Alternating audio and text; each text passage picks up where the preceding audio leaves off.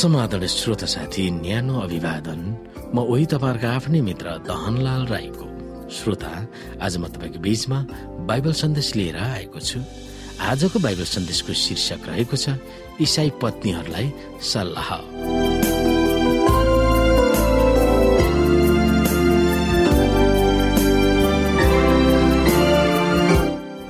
साथी चर्चका विश्वासीहरू एक आपसमा समर्पित हुनुपर्छ भन्ने आवाज दिँदै मर्कुस दस अध्याय रोमी बाह्र अध्याय फिलिपी दुई अध्याय एफएसी पाँच अध्याय र एफएसी पाँच अध्यायको बाइस र तेइसलाई पावलले पल्टाउँछन्।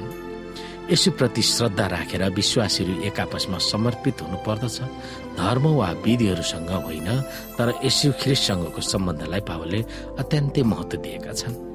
विश्वासीहरूले गर्छन् भन्दा पनि कोसँग सम्बन्ध छ त्यसले असली पहिचान दिदछ। एक आपसमा समर्पित हुनु भनेर पावलको अर्थीलाई हामीले कसरी बुझ्ने? ख्रिसको श्रद्धामा एक अर्काको अधीनमा बस भनेर एफिसीको पाँच अध्यायको एक्काइसमा भन्दछ। आफ्ना श्रीमानहरूप्रति प्रभुलाई जस्तै गरेर समर्पित हुनु भनेर पावलले इसाई पत्नीहरूलाई आह्वान गर्दछन्।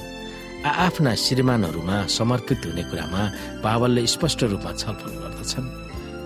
हामी यो पनि हेर्न सक्छौँ पत्रुसको पुस्तक तीन अध्यायको एकदेखि पाँच।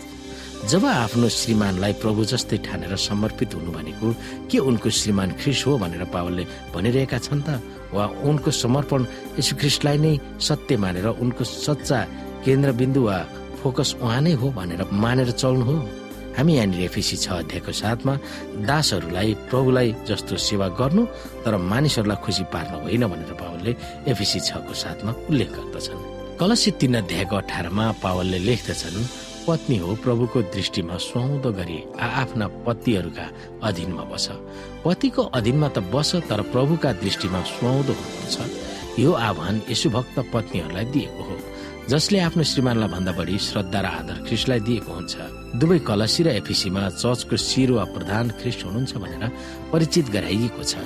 चर्च उहाँको शरीर हो पति पत्नीको शिर हो जसरी ख्रिस्ट मण्डलीको शिर हुनुहुन्छ। जुन मण्डली उहाँको शरीर हो र उहाँ स्वयं त्यसको मुक्तिदाता हुनुहुन्छ। पति पत्नीको शिरो भन्ने हक दावी त्यस बेला गर्न सक्छ जब पति पनि ख्रिस्टको निष्ठामा रहेर सेवा गर्दछन्। पत्नी वफादारी वा निष्ठा पतिले पाउन उनी ख्रिसको नमुनामा हिँड्नु पर्दछ वैवाहिक जीवन प्रेमिलो एक आपसको हेरचाह गर्ने हुनुपर्छ। पति र पत्नी एक आपसमा मनमुटाप गरेर वा एक आपसलाई दमन गरेर बस्न बाइबलले छुट दिँदैन। कुनै किसिमको घरेलु हिंसालाई अनुमोदन गर्न यस पदलाई प्रयोग गर्न र यस पदको सरासर अन्याय हो। माथिको धारणासँग सहमत हुनु दिदी एलेन्जु हाइटको यो कथन याद गर्नु जरुरी छ। श्रीमान आफ्नी श्रीमतीको शिर भन्दै रडाको मचाएर आँधीबेरी जस्तै भएर खस्रो रुखो असभ्य मैमत्ता अहंकारी स्वार्थी आफ्नो मात्र भाउ खोज्ने कर्कस बोली बोल्ने निष्ठुरी भएर दमन नीति कहिले अप्नाउनुहुन्न? त्यस खालको नीति अप्नाउने वा स्वभाव भएको श्रीमानले आफू आफ्नो श्रीमतीको शिर हो भनेर कहिले पनि दावी गर्नुहुन्न। न त अधिकार नै छ। यस परिवेशमा श्रीमतीले आफ्नो श्रीमानले भनेको दुवै कुरामा समर्पित हुनुपर्छ भन्ने कर छैन। किनकि उनको श्रीमान प्रभु होइन। यथार्थमा भन्ने हो भने सही बोलीमा त्यस खालको श्रीमान उनको श्रीमान नै होइन। हामी यहाँनिर बुझ्न सक्छौ श्रोता जसरी एउटा श्रीमानले प्रभुलाई आफ्नो शिर मानेर आफ्नो प्रभु मानेर अगुवाईका साथ प्रभुको भयमा हिँड्दछ भने उनीहरूको पत्नी आफ्नो श्रीमानलाई आफ्नो शिर मानेर हेर्नु असल हो।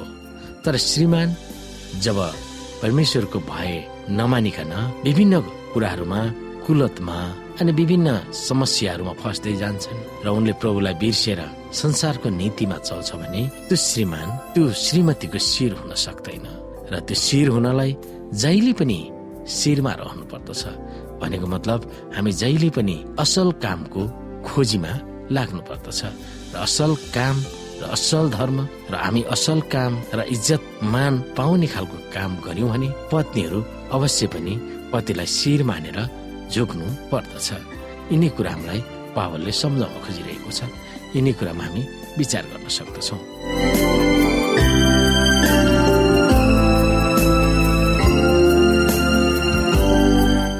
श्रोत साथी आजको लागि बाइबल सन्देश यति नै। हस्त नमस्ते।